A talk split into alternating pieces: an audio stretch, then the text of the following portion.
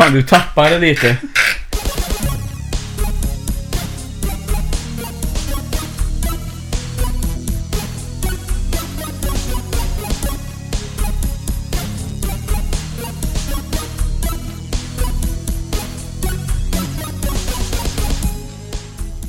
Imagine... Nej. ehm, hej och eh, välkomna till Fyrkantiga ögon. Fan, jag trodde vi hade flamsat klart. Ja, nej då. Det var bara det lilla. Nu är jag helt färdig. Ny vecka, ny podd i alla fall. Ja, och förra veckan så fick ni... eh, Vi brukar alltid flamsa ganska mycket innan och det finns ju såklart ett syfte med det och det är så att man inte börjar garva och flamsa för mycket i podden utan man bara får ut all skit. Sen är vi ganska flamsiga ändå. Eh, Men eh, ja, ni, ni fick i alla fall höra där förra podden vilken nivå det ligger på. Ja. Med Sash, Ecuador. Som vi nu har tankar på att spela in en svensk version av. Ja. Och bara ha roliga ord istället för Ecuador. Gärna med för många stavelser så att det inte riktigt passar. Nej, precis. Rytmen blir helt sabbad. Det blir lite Eilert Pilarm-version så att Ja. säga. Nu Men- tänker jag i huvudet, nu kommer jag bara på ord som hade exakt lika många stavelser. Av någon anledning. Vad är, är det ett ord du kan säga högt? Eh, ja, elgitarr tänkte jag på. Elgitarr. ja, precis. Men då ska det ju vara elgitarr. Ja, det hade varit kul. och, så, och så lite sådana Yngve-arpeggion också. Ja. Men eh, ja, för att komma tillbaks till och bli något sån här allvarlig i den mån vi någonsin kommer att kunna vara det. Förra veckan så var det ju jävla trevligt att spela in podd. Det Ja, vi satt ju fan hur länge som helst. Ja. Och då delade vi ut det i två delar för jag ville inte ta bort någonting. För jag tyckte det var ändå ganska bra töl. Mm, visst var det det. Så, fredagsstämning deluxe.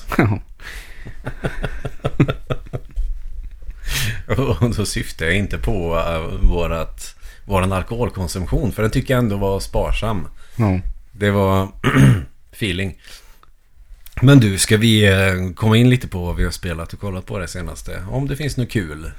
Ja, ehm, nu har det varit Champions League-vecka. Har inte blivit så mycket tyvärr på den här. Eh, fortsätter med Anthem.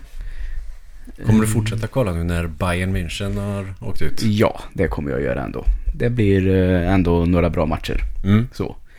Eh, sen är det väl om jag kanske, det beror ju lite på hur lottning utfaller. Om det kanske inte är en så stor match. Ja, det blir lottning till slutspelet. Mm, eh, kvartsfinaler nu. Så säg om det blir två mindre lag. Som Det kanske inte ens eh, heter slutspel på fotboll. Jo, det kan man väl säga. Jo, jo. Men det är många engelska lag med nu, eller? Mm, fyra av åtta. Ja. Men eh, det är ju så. Det pendlar lite fram och tillbaka och de har eh, tagit sig tillbaka dit känns jag nu. Det känns som att de har inte varit inblandade i striden eh, på ett tag, engelska lagen. Men förra året var de ju riktigt bra och i år är det ännu bättre. Så de är nog på väg uppåt, de lagen just nu. Mm. Sen tycker jag, om vi ska ta det lite snabbt då. Eh, de är ju nästan internationella nu, alla lagen. ja. De har ju spelare överallt ifrån. Det är som NHL nästan. Mm. Sen är ju engelska ligan väldigt stark. De har ju rejält tv-avtal så de... Alla klubbar får ju rejält med pengar och toppklubbarna får ju naturligtvis enorma summor. Mm. Så de kan ju bygga fina lag. Det får man ju ge dem. Mm. Det är ju gött för dem. Ja, visst är det det. Okej, så du har inte varken spelat eller kollat på Nej, någonting? som sagt, så eh, eh, fotbollen börjar klockan nio. Så det har blivit att jag har kört några sådana här strongholds som det heter i Anthem. Mm. Eh, I tisdags var det. Okej. Men sen har det inte blivit något mer. Nej. Han med ett par stycken som gav ett väldigt bra resultat som tur var, vilket Mm. är skönt. Så det, där är jag.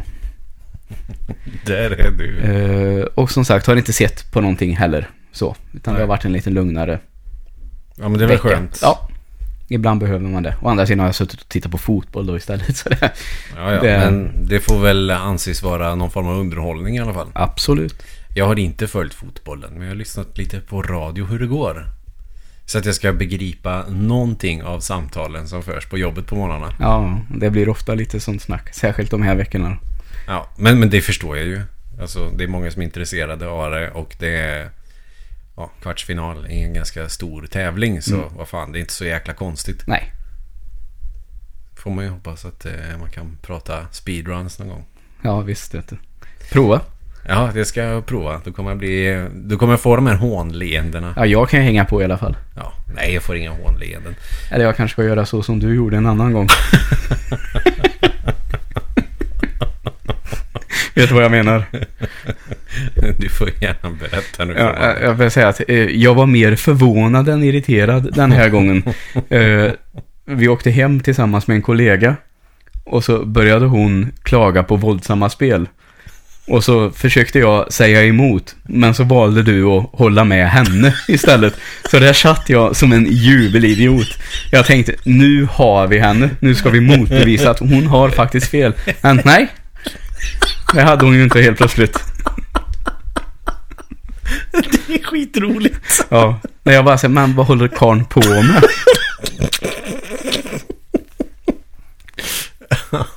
Ja, jag kommer ihåg att vi har haft det samtalet, men jag minns inte vad han sa. Nej, inte jag heller exakt, men det, Någonting med att jag inte spelar eh, mördarsimulatorer eller något sånt ja, där. jag tror att hennes, eh, något av hennes barn ville väl spela något Call of Duty-spel. Mm. Och så började jag säga, ja alltså, det är klart, det väljer du som förälder. Ja, men men du, nu- nu- jag nu- tror jag- faktiskt inte att det är någon fara. Så sett. Ja. Eh, om man skulle göra det. Menar, det, han kommer inte att gå under. Tror jag att jag konstaterar. Ja, just det, jag tror att jag kallade det för krigssimulator. Mm. Och det var lite... Ja, nej, då får han absolut inte spela det. Mm. ja, det var roligt. Men eh, jag har faktiskt börjat spela Zelda till Switch igen. Ja, För jag eh, köpte någon sån här eh, DLC, vad fan heter de här? Season Pass, när du får allihopa när de väl kommer. okej. Eh, Och när jag skulle spela det fast jag hade klarat det så kändes det så jävla meningslöst att försöka leta upp en massa kister. Mhm. Med saker som jag inte behövde eftersom jag var färdig med spelet. Eh, Så att jag började helt sonika om från början. Yes. Och inser ju att eh, det som jag gjorde när jag spelade igenom det första gången har jag knappt gjort någonting av nu och bara hittat grejer som jag missat. Okej. Vilket också ger mig lite större förståelse över vad faktiskt jävla stort det är. Ja, ja. Och det känns ju jävligt kul att spela det igen. Det känns ju inte exakt som att jag spelade för första gången. Jag har gjort en sån här uh, Divine Beast eller vad fan den heter. Ja, okej. Och det gjorde jag på typ en halvtimme första gången jag spelade. Är det kanske- bossen i templen? Ja. Ja, Det är alltså istället för tempel så är det sån stor, jättestora metallmonster. okej. Som du klättrar in i. De har Mm. blivit eh, typ smittade Ja, av den här uh, Ganon-geggan. Mm. För det är något innan Gerno, är det Calamity, Cal, vad är han heter? Det? Calamity Ganon. Calamity, okej. Och så har han tagit över de här Divine Beast som ska skydda Hyrule egentligen. Mm. Så tog jag en sån elefanten och det gick jävligt för mycket snabbare nu än vad det gjorde förra gången. Mm. Så, men jag vet inte, det, det är ofta så när jag spelar om spel. Och det kanske inte är så himla konstigt att man är bättre på spelen andra gången. Men ofta så är det ju att jag spelar dem och har typ glömt allting. Mm. Eller så mm, känns det så. Ja, Men man blir alltid så sj- sju helvetes mycket duktigare på att tänka ut hur fan man ska göra. ja okej. För när jag spelade första gången, jag gick runt och dog hela tiden och eh, utnyttjade inte liksom eh, glidflyget något vidare. Okej. Eller något. Och sen tänkte jag, ja, men jag hade spelat i två dagar kanske och hade hittat hur, mer shrines än vad jag gjorde under hela min första genomkörning. Jaha, okej. Nej, det är, låter ju som en ganska stor skillnad faktiskt. Ja, och eh, när jag hade hittat så många så kände jag att fan nu vet jag inte vart jag ska leta längre. Och först då tog jag hjälp av internet för att hämta en karta. Ja, okej. Så jag tänkte det att man, om jag tar Master Sword först. Mm. Att det är det första jag gör i hela spelet. Först får man göra en jävla massa shrines så att jag har 13 hjärtan eller vad det man ska ha sammanlagt för att kunna dra upp Sword. Och så kan man börja efter det. Ja. Eh, är det det starkaste vapnet? Ja, det är alltså om du gör DLCn, det finns en sån Master Trials. Okej. Som du ska slåss mot en massa fiender. Du får inte ha med dig någonting av din utrustning från eh, själva spelet. Mhm. Utan när du gör de här uppdragen så är du i princip naken och så får du försöka hitta de resurserna som finns på de här arenorna, eller vad man ska kalla Ah, det. okej. Och eh, det är så jävla svårt så att jag eh, gjorde bara en sån och sen tänkte jag att nej, det här är slöseri med tid. Ja. Inte för att det är tråkigt eller något sånt där, men eh, det är ganska svårt och jag känner att jag vill inte spela ett spel och bli förbannad, utan jag vill ha kul bara. Ja. Och då skippar jag den biten och eh, jag känner också att belöningen man får för de här Master Trials är inte tillräckligt bra för att jag ska känna att jag vill göra dem. Nej, okej. Ditt Master Sword blir starkare, det blir det. Och eh, det finns ju tre nivåer, en låg, en medel och en hög. Jag är på medel nu och den orkar jag inte göra. För svärdet är ändå ganska starkt. Men du låser upp fulla styrkan, vilket betyder att när du möter... För annars när du har Master Sword och möter en fiende som är en Ganon-fiende, typ. Så börjar det lysa och så är det svinstarkt. Okej. Annars gör det det inte. Men gör alla de här trials så är det så starkt hela tiden. Jaha, okej. Eh, Jag tänker att ja men då kanske det här, för att alla vapen går ju sönder när man har använt dem tillräckligt länge. Master Sword laddas ur. Det är skitlöjligt.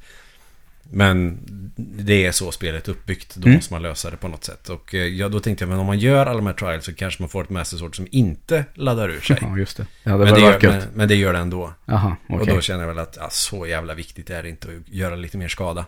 Nej. Så jag vet inte vad som är det starkaste vapnet, men förmodligen ett fullt laddat Master Sword. Mm, okej. Bra. Men nu känner jag väl att... Hade varit konstigt annars känner jag ju. Ja, Man vill ju att det ska vara starkast i alla fall. Ja, ja. Så är det ju. Och, eller att man skulle kunna uppgradera det så att det får nya färger som i Mm. A Link to the Past. Ja, eller just det. Eller det kanske det inte är i till exempel Ocarina of Time. Det finns ju något annat svärd där som man Ja, kan... det är det här Goron-svärdet Ja. som du eh, fixar. Ja, det finns något quest där, där man kan... För det går väl sönder hela tiden. Ja, Och så det, finns det ett quest som, där det inte gör det va? ja, Ja. du gör ett riktigt sånt svärd. Men den questen tycker jag inte heller är riktigt värd att göra. För Nej, det är en fetch sån där quest som jävla... är på tid. Ja, exakt. Jag kommer ihåg man skulle rida som en jävla galning överallt. Och det är ju inte skitsvårt, men eh, det är ju verkligen bara stressande och eh, skulle man eh, ramla ner från någonting eller bli träffad av en fiende då blir man ju orimligt förbannad. Mm. Och jag, jag känner inte riktigt att jag vill spela ett spel där jag blir förbannad. Nej, men jag har för mig att det var ett starkt svärd i alla fall. Jo, det är det. Men du kan inte använda skölden när du har det. Ja, just det. Så att det finns ju sina nackdelar också med Mm. svärdet. Jag vet inte, när jag körde igenom Ocarina of Time senast kan jag inte... Jag kan inte riktigt erinra mig att jag tyckte att det gjorde någon större skillnad att ha det svärdet än Nej. Master Sword. Nej. Det är väl i Majoras Mask kanske när du får det här riktigt eh, fula svärdet som det märks att det är en skillnad. Okej. Men Master Sword är inte med i det här spelet. Nej. Det som är bra med Breath of the Wild och Master Sword det är ju att du kan skjuta med det. Ja. Det har ju jag saknat i typ alla Zelda-spel Ja. sedan Link to Past. Ja, det var coolt. Så, och så måste man ha fullt liv så Mm. kan du skjuta med svärdet. Coolt. Ja, det är jävligt coolt faktiskt. Så det kör jag nu igen. Och eh, jag har väl påbörjat lite fler spel. Jag försöker att växla mellan lite olika spel så att jag inte ska tröttna. Åh fan. Det vet alla redan. Nej, ehm, ja kanske. Men det är väl kul att klara av att göra det. Jag känner ju att jag får svårt att Ja, jag blir ju hålla rast... ihop. Ja, jag blir ju rastlös om jag bara spelar ett spel. Ja, jag märker ju gärna att jag blandar ihop kontroller och lite sånt där. Ja, Att man sitter och pepprar på fel knapp och hinner bli för, lite, lite förbannad för att det inte fungerar ja innan man kommer på att man... hoppknappar ska de ju alltid Mm, mm, ändra på. Det jag har gjort mycket nu, det är plocka upp knappen. Mm. Så jag liksom... Man var i helvete! Sluta bugga. Jag bara, ja just det, det är jag som är en idiot. Ja, det borde, man borde väl ändå utgå från standardiserade kontroller kan man ju tycka. ja, men jag kan tänka sig att eh, i ett spel så är plocka upp E och på det andra F. Mm. Så det är ju de där, det är ju rätt nära. Så man märker när, det, blir ju lite muskelminne. Ja. Och så blir det fel muskelminne då, så är det ändå så pass nära. Man, man väntar ändå lite. Och så jävlar, det är det här nu ja. Just det. Så nästa gång det kommer ett nytt fräscht eh, eh, pang-pang-spel med, eh, med något halvdant Battle Royale-upplägg. Då är det inte WASD utan då är det ESDF man styr med och så skjuter du med höger musknapp Ja, fan vad episkt det vore. det är nästan så jag vill göra ett själv. Ja, Men då måste jag köpa något bra program för jag kan inte programmera så bra så då vill jag ha bara click and play. Det är ett bra program. Du märker ju själv hur fel det känns. mm, helt sjukt. Ja, Jag var tvungen att testa på tangentbordet jag har framför mig här nu och flytta handen bara ett steg åt höger. Ändrat alla inställningar i Logic nu så att är... Sådana röster. Ja, nej, jag tryckte ju inte på något som tur var. Sådana kunde vi spela in hela kassettband där vi bara spelade in så att det blev sådana röster. Ja, vad kul. Och satt och lyssnade Ja, fan, igenom dem i flera timmar. Ja, ja, det låter ju helt hysteriskt roligt. Om omvänd smurfhits. Ja. Vad sjukt.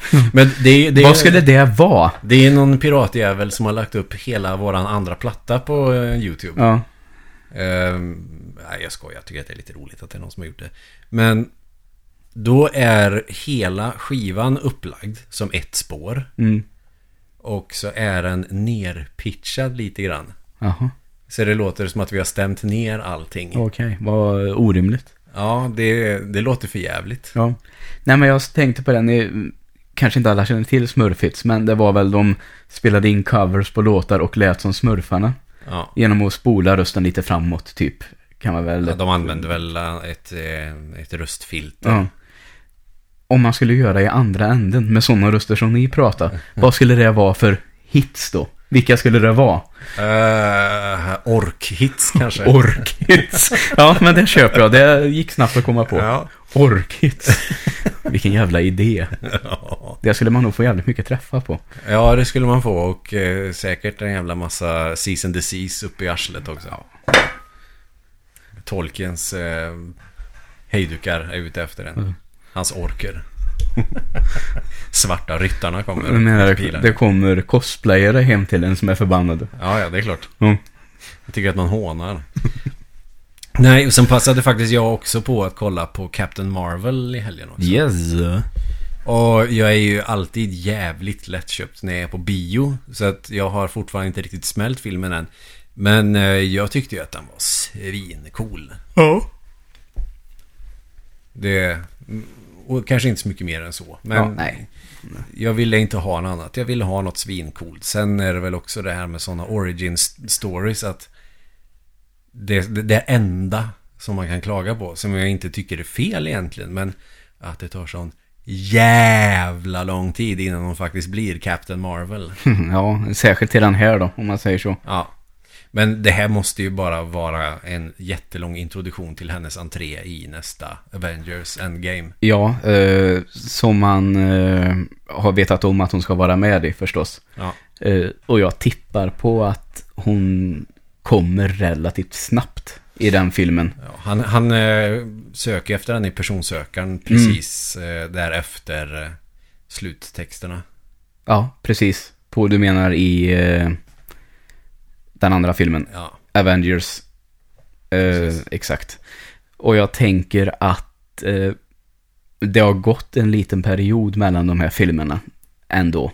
Det är Ja. inte så dagen efter, för man, hinner, man har sett lite av trailern som kom idag. mm, Att de har hunnit arbeta lite och försöka se vilka saknas, vilka finns kvar. mm, Eh, månader, halvår, år, ingen aning. Men en period lär ha gått. ja. Det är jag ganska säker på. Så då tänker jag, hon har väl haft det där meddelandet ett tag och hunnit vända. Så att eh, jag skulle tycka det var väldigt konstigt och väldigt tråkigt ifall hon gör en sån bejublad entré framåt slutet och kommer och löser allting. ja. Så jag tror att hon kommer vara med ganska tidigt. Och med tanke på hur stark Captain Marvel är och det, det, det vet man ju om man har läst serierna eller läst på om den här karaktären. Vilket jag fick göra när jag såg filmen för jag fattade inte vad loggan var på hans personsökare. Att hon är ju överlägset starkast av alla superhjältar. Mm. Alltså hon har väl ingen match. Om man tänker, eh, det här är väl ingen spoiler som en jävla superhjältefilm. Men de får superkrafterna där i slutet och bara slår sönder stora rymdfärger. Mm. Så tänker man väl att det gör ju inte Iron Man direkt. Nej. Eller Spider-Man. Nej, det är ju möjligtvis Tor. Ja, Som man men kan tänka han sig. åker på ganska fett med spö i förra Avengers-filmen. Visst gör han det? Så, och så de håller ju nästan på att spöa storskurken i slutet också i Avengers. Mm. Så att om hon då är så jävla mycket starkare än de andra och bara kommer i slutet och dödar honom sådär, då kommer ju hela grejen kännas meningslös. Mm, så är det ju. Det måste ju finnas lite fighting egg. Mm. Eh, jag skulle kunna säga att jag är inte helt hundra på att det bara är han som är antagonisten i den här. Nej, det är väl fler Jo, som eh, kanske lurar honom till att göra detta. så är det. Typ den här skurken från, vad fan är det? Eh, Guardians of the Galaxy. Eh, ja, just det. Med hammaren. Mm. Eh, Ronan. Ja, är inte han med där en sväng? Eh, jo då. Så det är väl kanske hans plan från början. För han, det är väl någon sån gubbe med i slutet på Captain Marvel också. Ja. Och säger någonting om att eh, vi kommer tillbaka. Mm. Eh, så är det ju. Men eh, jag funderar ju också på eh, att de kanske skulle... Alltså, det känns ju som att... Om ni inte vet det ännu så är det ju andra filmer utannonserade efter Avengers. Mm.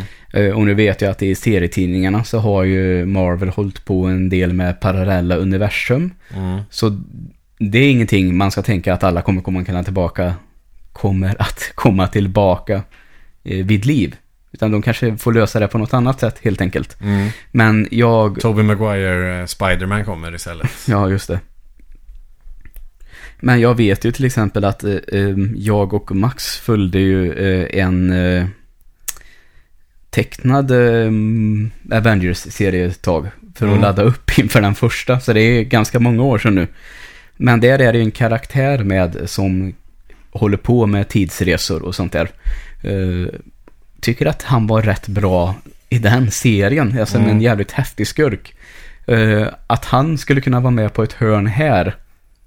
Det skulle jag tycka var ganska coolt. Mm. Kanske att de först tar hjälp av honom på något sätt. Men Ja. sen att han har eh, en annan agenda i slutet kanske. Sen jag kan tror det att han heter Kang the, Kang the Conqueror. Okej. Eh, vore lite tufft, tror jag. Sen är det möjligt att om det har gått en period så kanske han eh, Thanos eller vad fan han heter. Han kanske har en armé nu. Ja. Eh, Så då kanske det inte bara att man ska söka upp honom och spöa honom. nej. Eh, nej, som sagt, jag tror att just med Thanos att eh, här tror jag att man kan bli överraskad på ett eller annat sätt med honom. Ja. Eh, kanske inte att han har haft en egen annan chef hela tiden så. Men att... Eh, jag är inte helt hundra på att han kommer vara jätteintresserad av att slåss.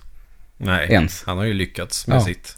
Eh, och man har sett i trailern där också att eh, han har gjort någon fågelskrämma liknande av sin röstning. Liksom den är undanhängd. Mm. Så som sagt, vi får se vad som händer med honom. Ja. Men eh, då så. Uh, apropå att jag har spelat spel och varvat lite emellan. Jag köpte ju två spel till Switch. Jag tänkte att jag ska i alla fall ha 20 spel till Switch. Sen pausar jag nog lite min köp till den. Men, Redan 20. Ja, snart. Ja, det är ändå rätt bra kämpat tycker jag. Ja, alla är bra också. Ja, eller ja, det är 10 på ett år. Så jag menar det är ja. ja. per år. Om man räknar med att den, den firar ju två år här nu för Ja, någon vecka sedan. Och, och i början köpte jag ju inte jättemånga spel, men sen började det släppas en del. Så nu har jag ju köpt, kanske sen i höstas, så har jag köpt något i månaden i alla fall. Mm. Ett, två eller kanske Ja. tre. Men du gillar ju uppenbarligen konsolen så det, Ja, jag tycker den det är, är inte mer än rätt. Den är helt fantastisk. Är det den vassaste sen Super Nintendo? Ja, det tycker jag utan tvekan. Ja. Det, det är det ingen snack om. Nej, okej. Jag kanske inte kommer att gilla den lika mycket som Super Nintendo. Ja, nej, nej. Det, Eh, men eh, den är definitivt det bästa som Super Nintendo. Mm. Det är inget snack om saken. Om jag ska hålla mig till stationära konsoler då. Bärbara, där tycker jag att Game Boy Advance är överlägsen ja, ja. fortfarande. Men det är ju mest nostalgi och kärlek till konsolen. Ja, ja. Alltså Switch är ju självklart bäst som bärbar konsol. Men eh, jag ser den mer som en konsol mer än en bärbar enhet. ja. Det är en konsol du kan spela bärbart. Mm. Men det är det du föredrar ändå? Ja, oftast är det faktiskt så. Mm. Så jag lä- bara en sån här snabb fråga innan du får fortsätta och berätta lite mer. Mm. Eh, jag tänker att en del har jag sett, men det kanske är tredjepartsspel, att de tycker att eh, framerate och upplösning är lite sämre på bärbart, så att vissa spel gör Ja, alltså upplösningen är ju 720p. Mm. Fast när du kör på tv så är det 1080. Ja, okej. Så ja, det är ju sämre Mm. upplösning. Så att jag ser många verkar välja vissa typer av spel, att det är stor skillnad på vilka som är bra bärbart. Så. Ja, men så är det ju. Alltså, jag, vi, jag var ju jättesugen på att spela Dark Souls bärbart och det kändes inte alls bra. Okej. På grund av kontrollerna. Alltså, ska du köra Dark Souls till Switch så kör man ju med Pro-kontrollen i så fall. Mhm. Kan jag tycka. Jag tycker inte att de analoga spakarna till de andra eller knappupplägget känns riktigt optimerat för Dark Souls. Nej, okej. Annars så funkar ju Dark Souls skitbra på Switch också. Mm. Visst, inte lika snyggt och bra till, som till PS4 till exempel. Men för att kunna spela Dar- Dark Souls bärbart så eh, duger det gott och väl. Och det är ju snyggare än första utgåvan av Dark Souls. Mm. Plus att det är på en liten kassett. Det är ju hur coolt som helst. Men i alla fall, då köpte jag nu senaste gången jag köpte en radda Switch-spel. Så tittade jag lite och eh, köpte jag eh, Super Mario, New Super Mario Brothers U Deluxe.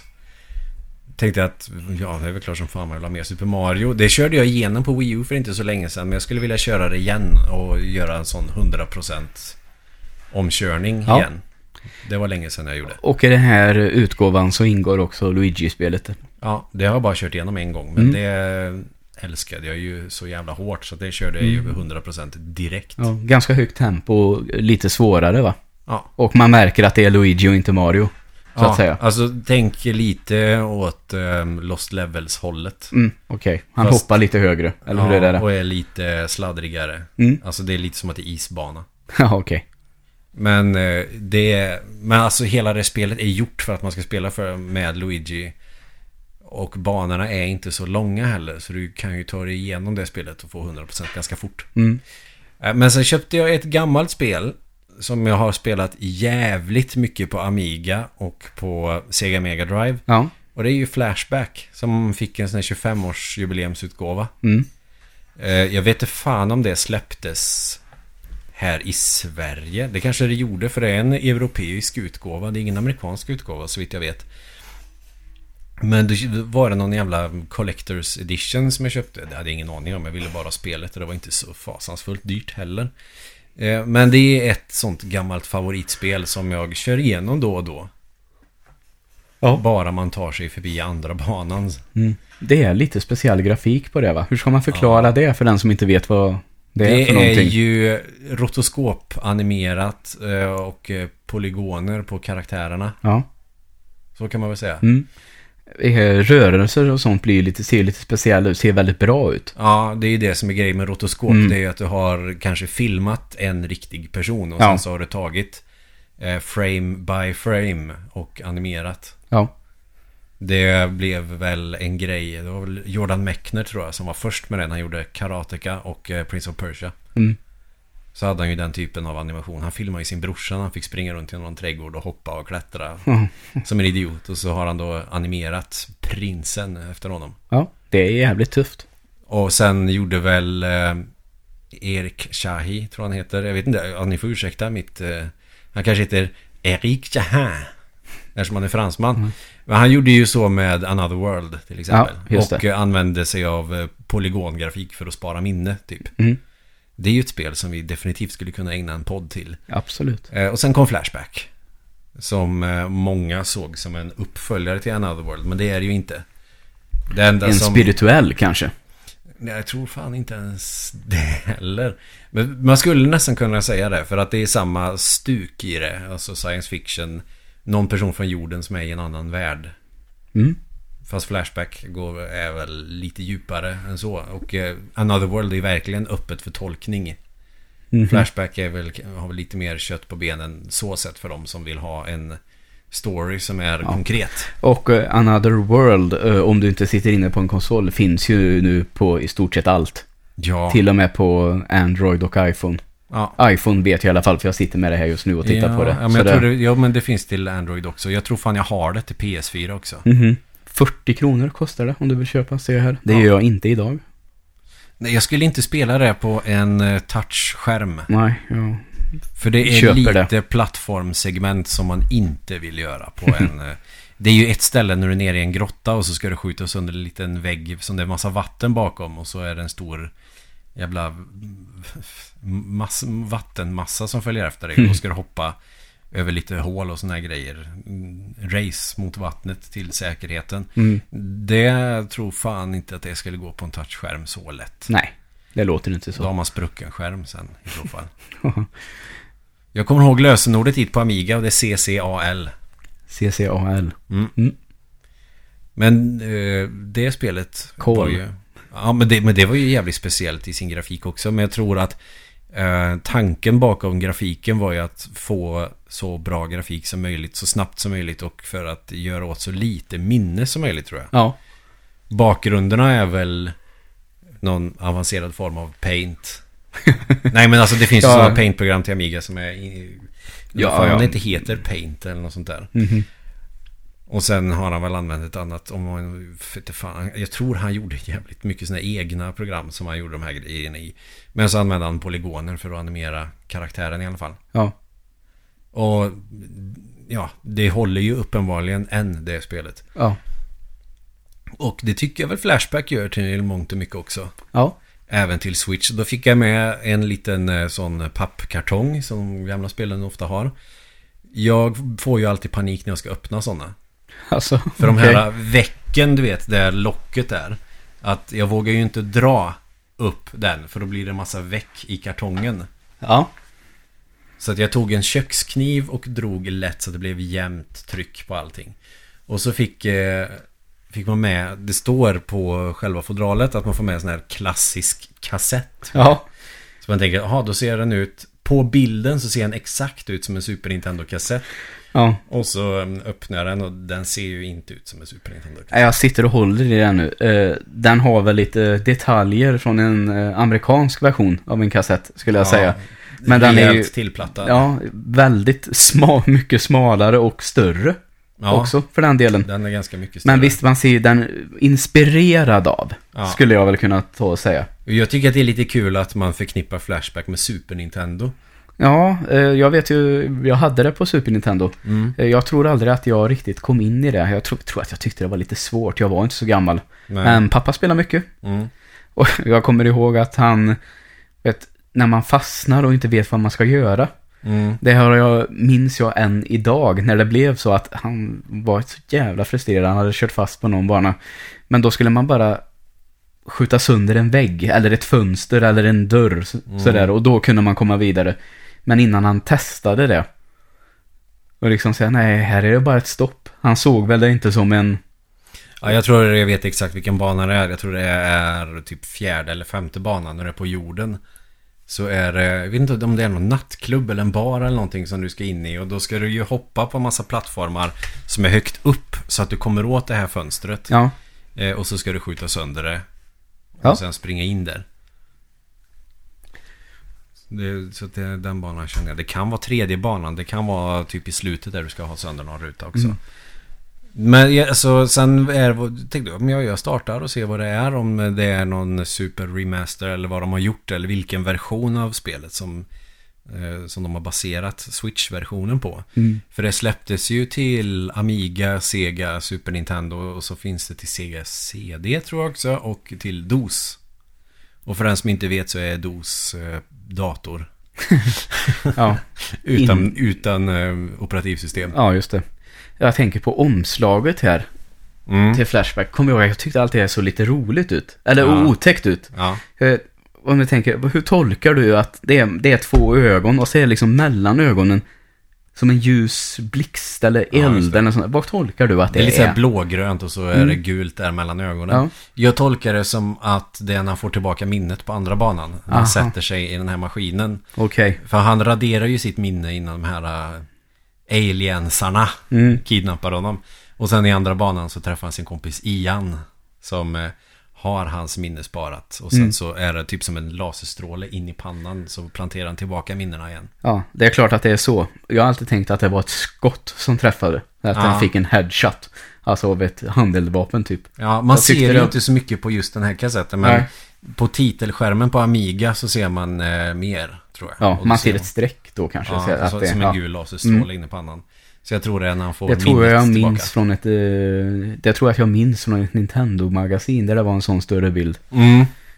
Eller vad fan den där tidningen hette precis. när den kom. Nu var det jävligt länge sedan jag körde på Super Nintendo, men på Sega så vet jag ju att titelskärmen så är det ju Konrad som gömmer sig bakom en vägg mot någon fiende Mm. och så håller han i pistolen i högsta Ja, hugg. den eh, ser jag också framför mig nu när du säger det. Ja. Det är ganska kul att han heter Konrad, huvudkaraktären. Ja, Men eh, alltså, spelet har ju en rätt eh, skön story om man tänker att det var inte...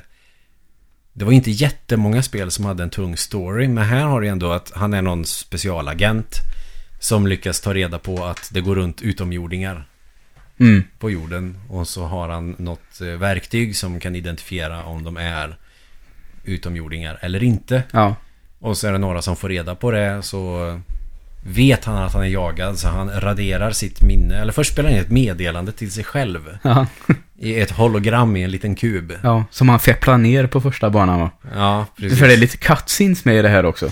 Ja, och det är det som är så jävla coolt att det är typ 3D polygon cutscenes i det. Ja. Och det var väl inte supervanligt då. Nej. Några Amiga-spel hade väl lite cutscenes och så fanns det väl något enstaka Nintendo 8-bit-spel. Sen kom väl eh, Flashback in en, en bit på 90-talet och då fanns det ju såklart fler. Eh, Men det här var ju vad man tyckte då, typ Hollywood-kvalitet. Ja. För det här var ju innan Toy Story kom när man hade 3D, eller så många 3D-animationer helt och hållet i en film, en Ja, långfilm. just det. Och det är ju det som är coolt också när man startar spelet. Att det är ju inte att det kommer en titelskärm eller typ det här är presenterat av Delphin Software och sen så kommer spelet. Utan du får ju se en, hans fötter när han sticker iväg. Mm. Och så kommer en liten, en sån detalj som jag älskar i den filmsekvensen. Det är när någon skjuter en laserstråle i golvet. Och det kommer lite bös. Ja. Det är, jag vet inte, det är någonting med den detaljen som är så jävla snygg och så ser man att det är någon annan som springer efter honom. Uh, och sen vet ju, och jag vet ju att, jag tror det är DOS-versionen och eh, om det är Sega CD eller vad fan det släpptes på så finns, är det en längre filmsekvens där i början. Där man får se mer när de eh, till exempel kliver ombord på sitt skepp när de ska jaga honom. För han tar någon sån här motorcykel som han flyger iväg med ut i yttre rymden. Utan rymddräkt eller någonting. ja iskallt. Ja, det I är dubbel bemärkelse. starkt jobbat. Så det, det är lite längre och det har de med i Switch-versionen. Så att jag tror att Switch-versionen är väl på ett sätt baserat på Super Nintendo-versionen. Eftersom man har en röd tröja under jackan och inte en vit. Mm. Jag tror inte han har det på Amiga, för jag tror han har en vit tröja. Så det är inte baserat på den versionen. Utan Super Nintendo-versionen. Men att man har väl fixat till lite grann. Inte jättemycket, för det känns precis som att det är samma spel. Eh, Men det är väl några buggar tror jag som de har eh, rättat till. Så att man har väl ändå eh, givit det lite tid och omsorg innan man har släppt det igen. Så att det är inte så att det är en emulerad version utan det är ju en portning då förmodligen. Mm. Så att, ja, skitbra. Så vaknar man upp i någon djungel någonstans och så hör man ett ljud och så ser man att, ah, här ligger det en kub. Och så spelar man upp den, om man använder den så får man se ett hologram av sig själv som säger att du är en specialagent. Du måste sticka dit och träffa Ian så han kan ge dig tillbaka minnet. Ja. Och där börjar det, Mm. i den djungeln. Jag tycker att det börjar jävligt starkt med snygga miljöer och bakgrunder. Det är mycket omsorg kan jag tycka som har lagts på grafiken och känslan i spelet. Ja. Och det är ju alltså precis om man har spelat första Prince of Persia. Det är samma typ av spel. Det här, den typen av plattformspel. Ja. Inte det här run and gun action. Du har en pistol men du, det är väldigt taktiskt i hur du eh, fightas. Till Ja, exempel. just det. Där har man väl fått en hel del från Another World också tänker jag. Eller vad säger du? Eh, jag tror dig, kan jag väl säga. Men vad har du för minnen av spelet? För nu har jag Eh, kört ja, men alltså, det var mycket som jag sa, att jag vet att vi hade det under en Mm. period. Särskilt, säkert då tills farsan hade spelat igenom det. Mm. Eh, men jag spelade aldrig, men på den tiden så tyckte man ju, det kan det fortfarande vara, men det var väldigt kul att titta på Mm. när farsan spelade, även om inte han säkert tyckte att det var så kul att jag var med alla gånger och köta. Man har en backseat gamer. Varför Mm. gjorde du så för? Vad, vad är det där för någonting? Ja, ungefär så. Ja. Eh, men det sista minnet jag har, det är nog den där dörren. ja. Men du kommer ihåg första banan eller? Ja, det gör jag. För man, ju- man skulle eh, klättra ner och så låg kuben längst ner till höger i bild, har jag för mig. Ja, Och så hämtade man den där och så fick man klättra upp ibland och, igen och så eh, tyckte pappa att det var så jävla snyggt. Ja, men det är... Och det är det ju naturligtvis. Det går ju inte att komma ifrån. Jag tycker nästan att det är pixelgrafik när den är som bäst. Mm. I alla fall bakgrunderna och miljöerna i spelet som du springer runt i. Eh, snygg sån 80-90-tals futurism. Ja. Och en cool kille med brun skinnjacka och blåa jeans och vita dojor. Mm. Det är snygg stil. Ja, han känns jävligt casual. Casual på ett bra sätt. Gamle Konrad. Ja. Men du har lite bilder där framme så du får en liten bild Mm. av... Eh, Nej, men, äh, absolut. Det, jag känner igen mycket nu när jag ser på det här. Men det här känns ju, för att många också spel som kom där på 80-90-talet hade ju alltid någon sån jäkla tydlig referens att eh, sno från. Vi pratade ju lite om det förra veckan, väldigt mycket man snodde från Alien när vi pratade om eh, Samus till exempel. Ja, Eh, ja just det. ja, alltså Flashback. Jag, jag har inte gjort någon djupare analys av vad det kan ha tagit inspiration från. Mer än möjligtvis typ Blade Runner. Ja, det var precis det jag hade tänkt att säga ifall inte du hade sagt det nu. Eh, särskilt när, när du berättade lite tidigare det här med att eh, den här alienformen då kan gömma sig. Mm. Eh, så att de kanske, som vid Blade Runner, eh, är sån här replicator, eller vad fan Ja. det är det heter. Ja, visst. Eh, kommer inte ihåg om det är det nu. Replicants kanske. Repli ja, något sånt. ja, någon, ja, jag vet. Men jag vet vilka. De som lyssnar vet också vad du menar. Mm. Och visst, och det är samma, likadant med det här Snatcher, är det väl det heter. Mm. Ett annat spel som har lånat lite från Blade Runner. Lite. Ganska ordentligt från Blade Runner. Ja, det är ju Blade Runner Mm. fast man har bytt namnet på Mm. allting och så Ja, finns det- en Metal Gear också. Ja, att det är tacksamt att eh, låna från en film som Blade Runner.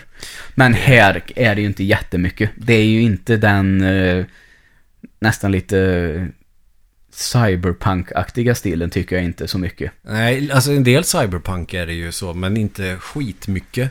Det, det är väl att det är massa... Ja, det är lite för ljust tycker jag. Ja, Det ska regna mycket och mer. Ja, ja det skulle vara mer film noir Ja. om det ska vara Blade Runner såklart. Ja. Men eh, med, ja, med vissa likheter kan man ju tycka att det finns det. Ja. Sen är det ju Another World, det är ju såklart, det är ju Delphin Software båda två. Fast eh, Erik Chai har inte varit med och gjort Flashback. Så det är ju helt omöjligt och otänkbart att det skulle kunna vara en uppföljare på Another World. Mm. Men eh, tydliga eh, grejer som de har lånat ganska fritt från eh, Prince of Persia i hur hela plattformsgrejen är. Att istället för att du är som Mario kan hoppa högt som fan och springa fort som fan och eh, som är helt onaturligt på ett bra sätt. Och kunna vända i luften. Ja, då måste du helt enkelt hoppa och klättra och du kan inte hoppa jättehögt och inte jättelångt. Så du måste ju ta hjälp av omgivningen och klättra som fan och springa och hoppa. Mm. Sen finns det inga lösa plattor som i Prince of Persia. Men det finns ju, det finns ju en hel del sådana spel som lånar mycket från Prince of Persia. Eh, Blackthorn är ju ett Åh, sånt exempel. ja. Det är jävligt badass det. Ja, det är också en sån gammal favorit.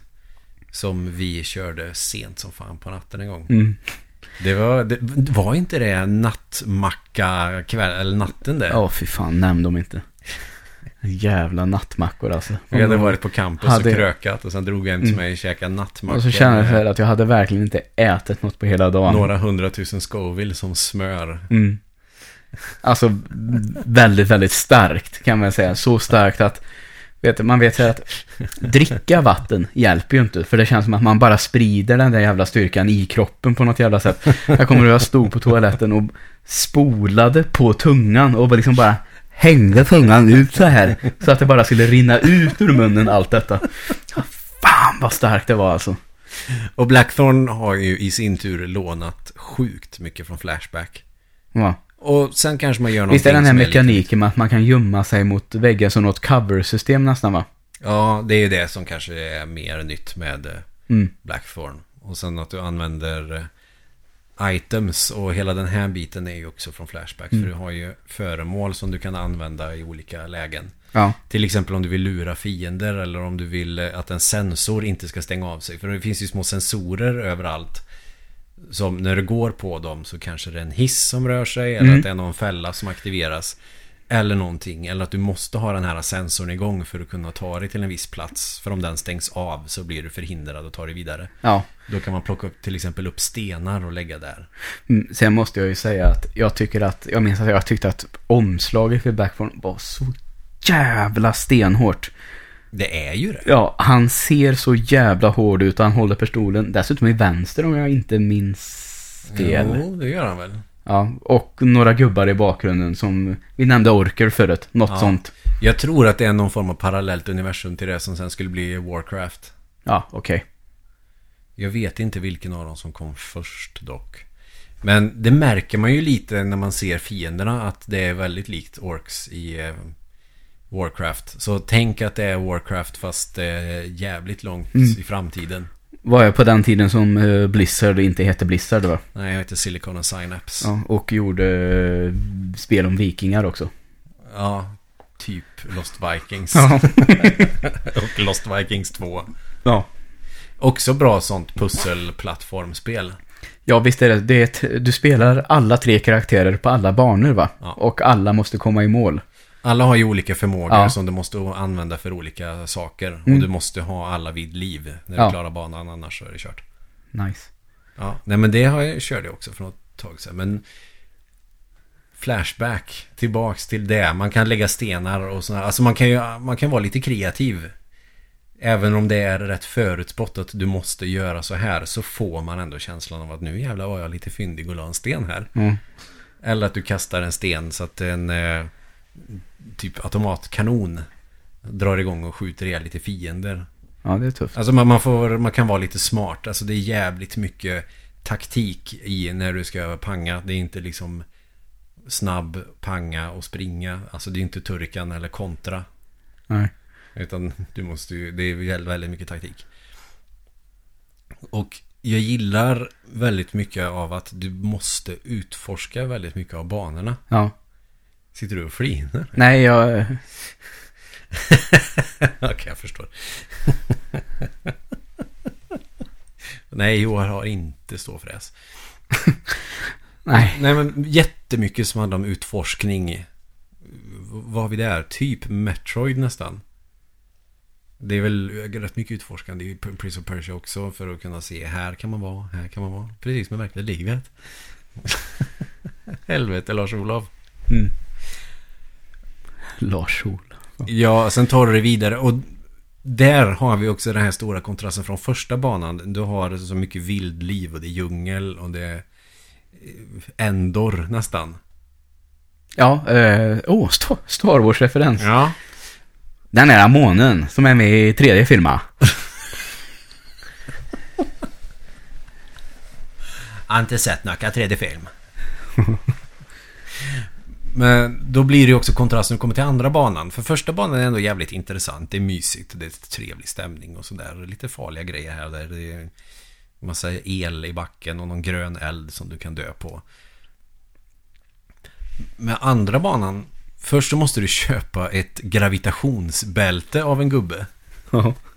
Var det här jävla gravitationsbältet tar vägen sen i spelet, det har jag ingen jävla aning om. Okej. Det är, det är ju lite synd, för det gör ju att du kan eh, hoppa ner för... eh, Hoppa ner i avgrunden utan att dö mer eller mindre. Mm. Men sen går inte det längre. Nej. Så det är ju 500 spänn käpprätt. Eh, Men... Det kanske är en sån som engångskameror. Ja, just det. Ett engångsbälte. Ja. Som gör att du kan hoppa ner från Mount Everest och överleva. Mm. De har ju ofta med sig sådana. Som klättrar nu. Ja, ja. Om de ramlar till exempel så trycker de så så kan Ja. de... Ja, Göran Kropp skulle ju prova ett. Men det var en prototyp. Ja, det är inte too soon faktiskt. Eh, Så känslig får man väl inte vara. Jävlar. Men för att komma någon jävla vart. Sen blir kontrasten i andra banan att det är grått och total 80-tals futurism.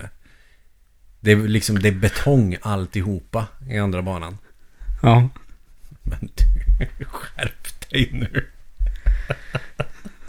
Det var ju du som började med Göran Kropp. Jo, men det, var ju audio. Ja. Och det är väl där också du får tillbaka minnet. Nu ska jag inte förklara varje bana var för sig. Men jag gillar progressionen och de olika miljöerna. Det är väl det jag vill komma fram Ja. till. Till syvende och sist. Och det är också i andra banan som du får den här force field. Ja. Och den är ju precis som i Another World. Du har ju en pistol som du kan skjuta vanliga laserstrålar som i Star Wars med. Eh, sen kan du ju ladda den här som en Kamehameha i Dragon Ball Z. Okej. Det får du förklara, för det förstod inte jag. Aha, en Kamehameha. Vet du vad Hadouken är i Street Fighter? Ja. Ja, det är nog därifrån den kommer. En Kamehameha. Det är exakt samma rörelse fast en jättestor blå laserstråle. Okej. Typ.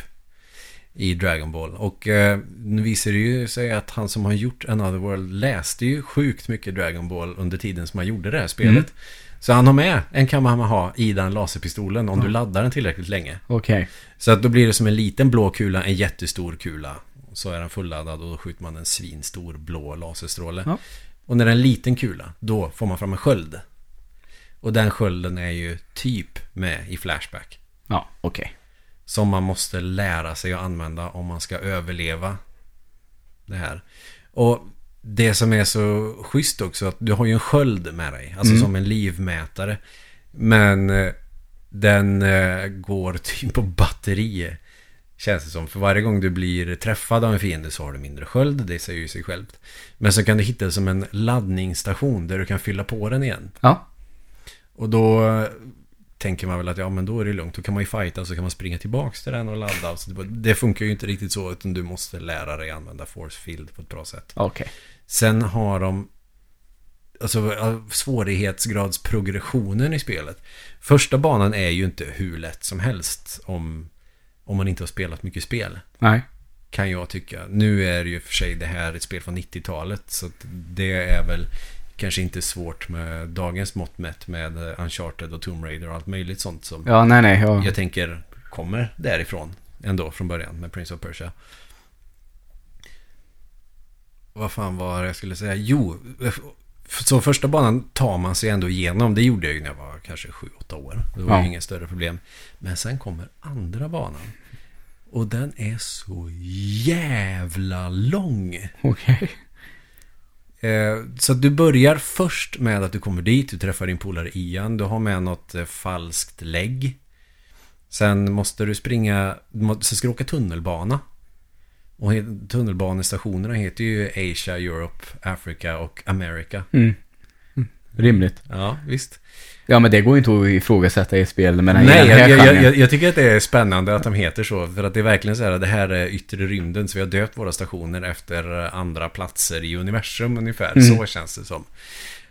Och så måste du springa runt. Och här känns det som att de driver med byråkratin. Ja. För du ska nämligen söka jobb. Det är så här att du ska ju ta dig tillbaka till jorden eftersom du har blivit kidnappad. Och då är det någon gubbe som säger att ja, men då måste du ge mig pröjs. Ja. För att få falska papper så du kan ställa upp i någon jävla tv-tävling där du ska slåss för liv och död. Där har vi en eh, definitivt en referens till Running Man. Ja. Med Arnold, eller? Yes. Ja. Som är skriven som bok från början av Stephen King. Ja. Där ser man. Och där börjar det då. Då måste man få ihop pengar och sen för att få ihop pengar då måste du skaffa jobb och då ska du gå till någon jävla arbetsförmedling. Eh, Eh, så man får ju en karta som är jävligt svår att tyda med vilken eh, tunnelbanestation du ska kliva av på. Och så kommer du fram och säger ja, jag vill söka ett jobb. Ja, visst, det är upp en våning. Okej. Och så finns det tre personer som sitter och stämplar så in i helvete på papper. Och så går du till eh, monter A och säger hej, jag skulle vilja söka jobb. Jag skulle vilja ha en jobb, en work permit eller vad fan det heter. Ja, då ska du gå till monter C. Ja. Okej, och så går man till monter C. Jag skulle vilja ha ett jobb. Ja, då får du gå till monter B. och så håller de på så. Och sen så får du gå och säga ja, då ska du gå in genom den här dörren till den här personen. Och så går du in till gubben och så lämnar du ett lägg till honom som han behåller. Och så får du en jobblicens och då ska du åka till en annan jävla tunnelbanestation.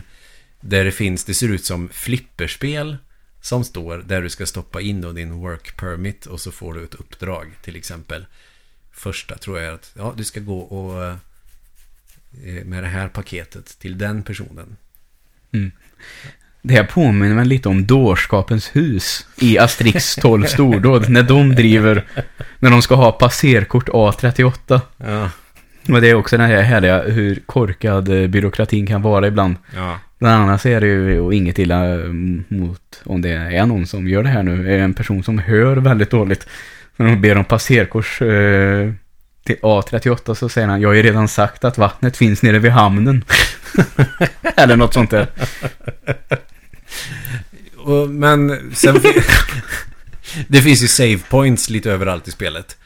Eh, och eh, så att du kan spara ifall du skulle dö någonstans. Gärna lägligt placerade där man kan dö. Så det är ju bra att de Ja. finns. Och då finns det en sån där, där du får dina arbeten. Det tänker jag, varför har man inte sånt system idag? Om arbetslösheten är hög och ett sånt stort problem. Kan man inte ha någon touchskärm någonstans? Där vanligt, eh, ja, där kapitalister kan ge ut lite skitjobb till exempel. Idag vill jag att någon kommer och rensar min rabatt. Sätt i ditt eh, jobbkort för att acceptera det här uppdraget. Och så kommer du till den här adressen och så rensar du min rabatt. Ja, Så får du tusen spänn. fan, nästan man skulle ta själv. Ja, eller så går du till en annan apparat där det står om du, har, om du är snickare så vill jag att du kommer hem till min nyköpta kåk och letar efter så många fel du bara kan. Du får tusen spänn för varje fel du hittar på mitt hus. Ja, Och så åker någon och gör det. Eller eh, jag har hund. Jag kan inte åka någon jävla stans utan att ta med mig byrackan. Men nu ska jag till jobbet. Jag behöver ha någon som kan kolla min hund med dig. Ja, Okej, så stoppar man in sin lilla jobblicens. Så står det okej, registrerat. Du har tagit det an det här uppdraget. Gå till den här adressen. mm, vi kanske ska prata mer om det här nu. Det kanske är ett system som någon snor från oss nu. Ja, men då har de snott det från Flashback. För det är det jag har gjort. Ja, men vi hade chansen nu, Emil. Ja, Och så får de patent på det och blir miljardärer. Ja, men eh, då får man väl ha det här poddavsnittet som eh, bevis på att vi gjorde det först. Men då är det klart att de här uppdragen du får blir ju svårare. Först ska du bara leverera ett jävla paket. Sen ska du prata med någon snubbe. Men sen får du också en brottsling som är misstänkt som är en cyborg. Mm. Som går runt bland människor. Som du ska leta upp. Då har vi återigen en Blade Runner-referens där. Och så först ska du gå till en person. Ja, ah, jag såg honom där borta. Och så gå till nästa person. Ja, ah, han var nog där borta. Ah, du frågar polisen. Han känner honom. Och så går du till polisen. Polisen, nej han är i baren. Ja. Och så går du till baren. Eh, nej, det är inte jag. Det är polisen. Mm. Och så går man tillbaks. Och så spöar man polisen och så tillbaks. Alltså det är ett jävla flängande fram och tillbaka. ja det Och låter det- rätt mycket för en bana det. Där tänker jag att många kanske hinner tröttna på spelet. För det vet jag att jag gjorde. Även om jag gillade det så tröttnade jag alltid på den banan. Ja, det blir lite för tradigt på något sätt. Ja, det sen ska det du in i ett labb och guida någon person genom det här och då är det en massa små robotar och skit som du måste skjuta sönder. De är alltid placerade väldigt nära ett stup. Ja, Vilket gör att du måste göra det perfekt. Och ibland kan man få göra om saker flera gånger. ja. Och då kommer du tillbaka till den här save-funktionen. Och då kommer vi in på vad är det som gör Switch-versionen mer speciell än Super Nintendo. Du kan spara när du vill. Nej. Nej, Eller ja, du kan ju bara liksom save and exit kan du göra. okej. Men spelet sparas eh, utifrån den senaste save-stationen du var på. Mm. Tidigare till eh, Amiga, Super Nintendo och Sega, då måste du använda lösenord. Du får ett lösenord när du börjar på en ny bana. Okej. Vilket innebär att om man tappar sugen och stänger av spelet så måste du börja om från början på den banan med ett lösenord. Mm. Till exempel du skriver Lynx på Amiga-versionen så kommer du till jorden tror jag. Okej. Men eh, på Switch-versionen så kan du spara från senaste gången du gick till en save-station. Gött.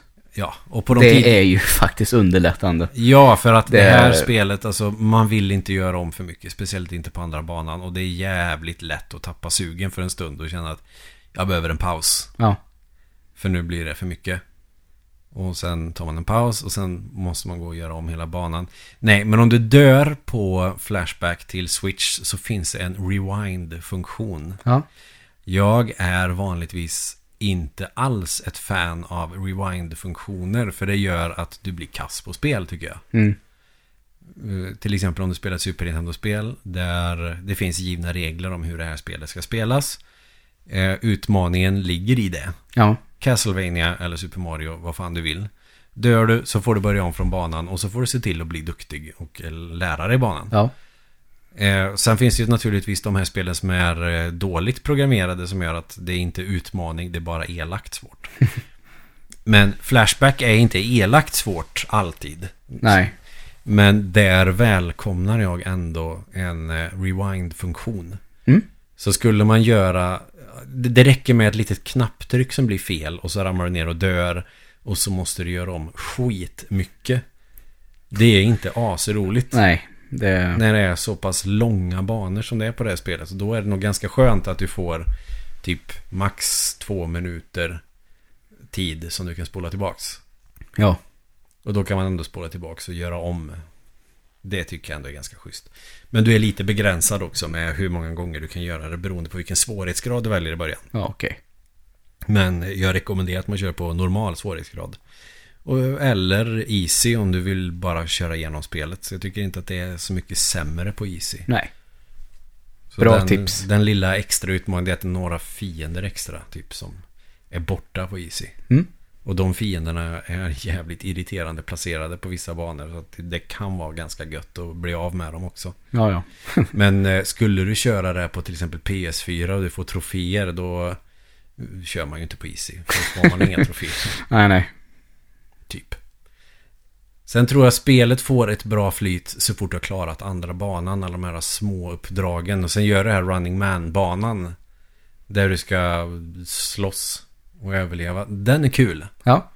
Den flyter ju på bra. Den är lite mer actionorienterad den banan. Det är en jävla frisk fläkt efter att ha sprungit runt och åkt tunnelbana och åkt fel hundratusen gånger och åka runt, runt, runt med de här jävla Ja, i fy fan. Afrika och Amerika. Jag tycker att det blir rätt tradigt efter ett tag. Men tar Mm. man sig bara förbi det så har du ett top notch sånt spel. sånt spel. Mm. Prince of Persia-aktigt eh, äventyrsspel. Ja. Sen kommer du tillbaka till jorden. Och så det filmsekvenser också mellan varje bana som Ja, är ja. jävligt coola. Just det. Så jag tycker att Switch-versionen, ja den är bra. Det är en bugg som jag saknar som jag skulle vilja att de inte tog bort. Okej. Och den funkar fan tror jag på alla andra versioner. Jag har testat den på Amiga, jag har testat den på Sega och det funkar på båda versionerna. Det är att om du står precis vid en vägg, med ansikte mot en vägg, ska du bara vända dig om. Och man håller ju in en knapp för att springa. Mm. Så du håller inne knappen och så trycker du åt motsatt håll från den väggen. En snabb knapptryckning och så byter du håll direkt. Okej. Och eh, samtidigt som gubben vänder sig ska du släppa knappen som gör att han springer för då börjar han att stanna. Och då springer man igenom väggen. Jaha, okej. Jag tror att min förklaring av det är mer komplicerat än vad det är. Men spring ett steg åt höger, sväng vänster, släpp springknappen och så går gubben rakt genom väggen. Ja, okej. Det är jävligt skönt att göra när det är tråkiga banor. Men risken finns att du springer igenom väggen och ramlar ner i avgrunden och dör. Ja, du kommer ut i spellimbo, typ. Ja, det, ja, fast spelet är ändå programmerat på ett sånt bra sätt att när du är utanför själva spelplanen, om man säger. Ja. Istället för att som i Metroid eller sån här att det blir en softlock och du sitter fast i golvet eller någonting. Mm. Så registrerar spelet som att du har ramlat ner i ett avgrundshål. Aha, du är utanför, Ja, man ja. säger. Mm. Så att du dör bara. Okej. Och så får du börja om från början. Ja. Så det är inte så farligt. Det är ett ställe den buggen inte är bra att använda på i de gamla versionerna. Det är sista banan, eller näst sista banan. För den sitter ihop med sista banan. Det vill säga att eh, själva eh, vad ska man säga, banan, spelplanen, båda de banorna är på samma. Och eh, tekniskt sett så kan du komma åt andra banan från första banan. Men du har ju inte klarat banan, så går du in i andra banan från första banan, då är det softlock. Ja, okej. Och det är ju inte säkert att man hittar ett ställe där man kan eh, ta livet av sig. Ja, nej, nej. För det hände på Sega. Ja. Ja, det, det låter ju sjukt, men jag vet inte. Förlora ett liv med flit. nej, säg som det är istället, som du gjorde. Det blir bra. Det Och då blir det roligt bara. reset som gäller. Men annars är den buggen ganska effektiv när man känner att nej men den här banan har jag spelat så många gånger. Nu orkar inte jag springa till den där sjuka gubben för att han vill ha sin teleporter. Springa iväg och hämta den och springa tillbaks till honom och lämna den till honom för att få ett ID-kort så jag kan öppna en dörr. Nej, nej. Då kanske man tänker att jag vill bara ta mig igenom den här banan fort som fan. Och så Mm. går man igenom väggen och hämtar pengar och köper ett gravitationsbälte. Ja, just det. Men många olika eh, miljöer i alla fall. Ja. Alltså du kommer till jorden, då får du så här eh, dagsljus men också lite Blade Runner feeling med alla flygande bilar och sånt. Mm. Och sen så är du på eh, hemplaneten hos de här utomjordingarna. Det är ett sjukt snyggt ställe. Okej. Och då är det ja, rätt jobbiga fiender som du ska slåss mot också. Så då får man rulla mycket Ja. fram och tillbaka och skjuta.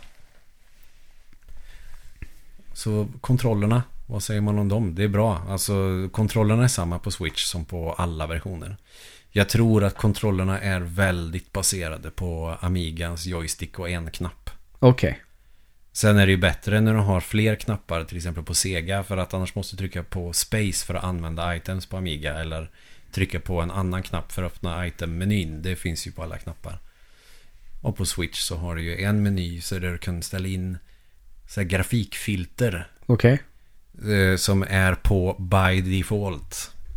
Jag eh, personligen så hatar jag den typen av filter. Mhm. När du har pixelgrafik och sen så ska man smeta ut det för att det ska se inom citationstecken snyggare ut. Ja. Jag tycker att sånt är så jävla sunkigt. Jag fattar inte varför man använder sånt överhuvudtaget. Ja, okej. Eller varför det finns. Nej. Och sen kan du ha ett CRT-filter. Och Mm. för den som inte vet vad CRT är så är det en typ av tv som fanns när jag var liten. Ja. Som eh, är en stor glaskub Mm. med träram. Ja, just det. Och, men då är det som... För att jag gillar ju CRT-filter och jag gillar scanlines och sånt. I alla fall på sådana pixelgrafikspel. Ja. Eh, Och scanlines, det ser ut som streck i bilden. ja, kan man väl säga. Väldigt förenklat. Små, små svarta Mm. streck. Det, sen kan du väl ställa in, det är inte widescreen. Jag hade hoppats på att det här spelet skulle vara widescreen. Att du ser mer av varje skärm. Ja. Att det som är en skärm på en CRT kanske är två skärmar på en stor TV. Så att spelet ska kännas lite nytt på ett sätt. Att man kan spela på ett nytt sätt, men riktigt så är det inte. Så att du har ändå svarta kanter. Så du kan inte dra ut spelets skärm till en widescreen. För då skulle det se för jävligt ut dessutom. Ja. Men CRT-läget, då ser det ut som att du tittar på ett eh, gammalt svettigt VHS-band. Ja. Men det ser ut som att det är lite störningar och såna här Myrornas krigsträck som kommer upp och ner. Det känner jag väl att det är ju coolt. Men jag vill inte ha det. Sen är det typ lite sånt brus som när du har en eh, dålig, dåligt inställd kanal på tvn och eh, antennutgång Ja. som du har kopplat spelet till. Okej. Genom. Antennutgång då för er barn. Nej, jag skojar. Ja. Så vad, vad kan vi säga mer om det här? Alltså jag kan ju sitta och berätta hur mycket som helst men så jävla god röst har jag nog inte. Ja, jag tycker att du har fått med ganska mycket faktiskt. Så jag tror inte att... Eh, om det inte är någon väldigt mer detalj som du vill prata om så tycker jag att har... Vi, du, har gått igenom Flashback väldigt bra. Ja, Och eh, jag tror att man blir sugen på att testa det. Ja, för det är kul. Uh, fightingen speciellt är kul. Alltså precis som i en referens till Prince of Persia. Det här att du måste ta fram svärdet. Så i det här spelet är det samma fast du tar fram en pistol. Och så Ja. har du ju olika kontroller lite grann när du har pistolen framme eller inte. Ja. Ungefär som när du går i guard i Karateka om du har kört det. Nej, jag har inte kört karateka. Då Tyvärr. blir, då blir det liksom lite nya kontroller. Men eh, det gör att det blir väldigt taktiskt när du ska strida. Sen är det ju många fiender dör ju på ett skott men ser ut som inte gör det. Mhm. Och då måste man lära sig att eh, sitta på huk och rulla så att man kan komma ifrån dem snabbt som fan. Ja. Det är en bra taktik. Rulla, skjuta och rulla, skjuta. Det blir lätt att man kör kanske samma taktik på alla fiender men när du kommer till de sista banorna så märker du att riktigt så funkar det inte. Men vad säger vi mer om det? Alltså jag tänker väl att eh, det är absolut värt att skaffa det till någon av de här moderna konsolerna. Ja. Jag vet inte hur många av dem som har fysiska utgåvor. Nej. Eh, Det, Det finns faktiskt inte fysisk jag heller. utgåva till Switch, det gör det. Mm. Men eh, jag vet inte om den finns som svensk släppt. Jag är osäker på det. Ja. Var eh, fick du tag på din? Jag har garanterat inte GameStop. Nej, okej. Jag Bra. ville bara få in det att de är så jäkla dåliga på att få ett bra utbud av Switch-spel. Mhm. Eh, Men jag köpte det på nätet. Ja, okej. På en eh, känd spelsida som har eh, lägsta prisgaranti och fri frakt. Ja, okej. Den som vet vilken sida jag pratar om ve- vet. Den som inte vet kan ju alltid hoppas att den här sidan sponsrar våran podd så kan jag säga deras namn. Ja, vi får väl se. Ja. ja.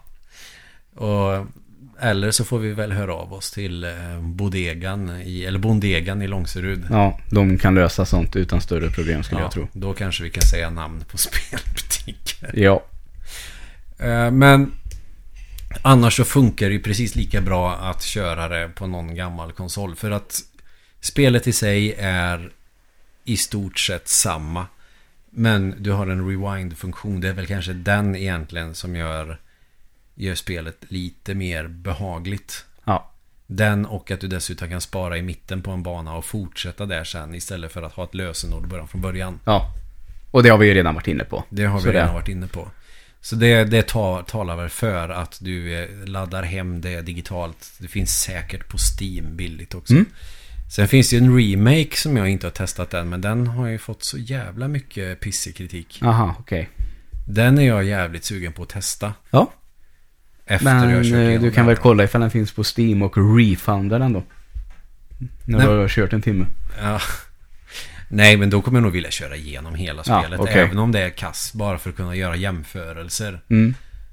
Så, men originalet håller sig faktiskt än. Så tillvida du inte har några problem med pixelgrafik. Men vad fan, det har ju alla coola indiespel nu. Så det tror jag inte är några problem. Nej. Och Flashback definitivt håller sig bra än idag mot andra pixelgrafikspel. Okej. Som ska vara som gamla spel. Mm. Sen finns det någon polsk utvecklare tror jag som har gjort en Gjort ett spel som är exakt som Flashback som jag inte kommer ihåg vad det heter. Om någon luskar ut det så kan ni eh, skicka ett meddelande till oss på Facebook. Gör det. Fyrkantiga ögon. Eller om ni skickar eh, privatmeddelande på Instagram. Fyrkantiga nollgon. Alternativt våran mail. Fyrkantigaogon at gmail.com. Ja, det är bara att välja den du tycker känns roligast att skriva på. Ja. Lättast att få tag på Joel är väl att skicka meddelanden via Facebook och lättast att få tag på mig är att skicka via Instagram. Ja, kör på det. Men vi knyter ihop säcken där, Det gör vi. för nu är jag torr i käften. Ja, jag förstår det. Så tack för den här gången. Ja, tack så mycket.